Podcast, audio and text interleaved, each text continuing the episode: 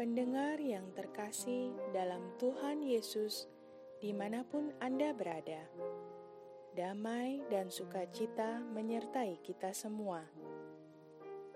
Renungan sau bagi jiwa yang disajikan Gereja Yesus Sejati berjudul Hati yang Terharu. Dalam nama Tuhan Yesus, membacakan renungan firman Tuhan.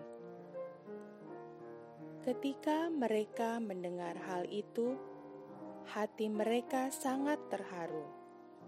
Lalu mereka bertanya kepada Petrus dan rasul-rasul yang lain, "Apakah yang harus kami perbuat, saudara-saudara?"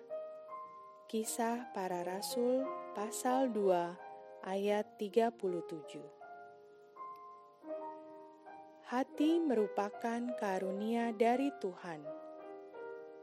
Dari dalam hati bisa timbul bermacam-macam perasaan yang mendorong manusia melakukan suatu tindakan tertentu.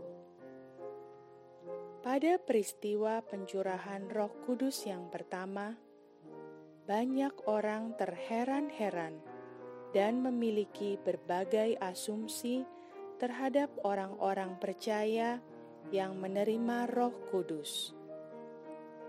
Melihat hal tersebut, Petrus bangkit berdiri dan menjelaskan apa yang sesungguhnya terjadi. Mendengar penjelasan Rasul Petrus, banyak dari mereka yang merasa terharu. Mengapa hati mereka terharu? Dalam bahasa asli, kata terharu mengandung arti to pierce thoroughly, yang berarti menusuk sampai tembus. Maka, hati yang terharu memiliki arti ada sesuatu yang masuk menembus ke dalam hati. Petrus mengatakan bahwa Tuhan Yesus yang mereka salibkan sesungguhnya adalah Kristus. Hal itu merupakan kebenaran firman Tuhan dan merupakan suatu kenyataan. Namun, kenyataan tersebut menusuk hati mereka. Kebenaran itu membuat mereka menyadari kesalahan yang telah mereka perbuat.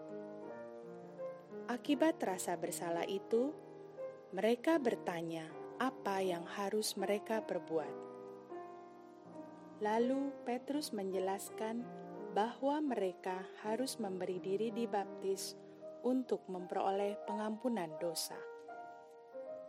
Dari antara mereka, ada orang-orang yang menerima perkataan Petrus itu dan memberi diri dibaptis. Orang-orang ini memperoleh pengampunan dosa. Sungguh, merupakan suatu hal yang indah. Dari sini, kita dapat belajar bahwa hati yang terharu merupakan suatu awal yang baik. Firman kebenaran ingin masuk ke dalam hati kita yang memiliki dosa. Mungkin pada awalnya kita akan merasa sakit dan tidak nyaman Salah satu sifat dasar manusia adalah selalu merasa benar dan tidak ingin disalahkan. Namun, perasaan sakit ini dapat menghasilkan buah yang indah jika kita meresponnya dengan benar. Lalu, bagaimana seharusnya kita merespon hati yang terharu ini? Mari kita meneladani orang-orang yang memberi diri di baptis tersebut.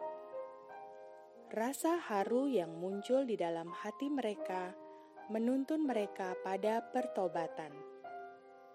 Ketika kita merasa kebenaran firman Tuhan membuat hati kita terharu, marilah kita sambut perasaan itu dengan perasaan syukur.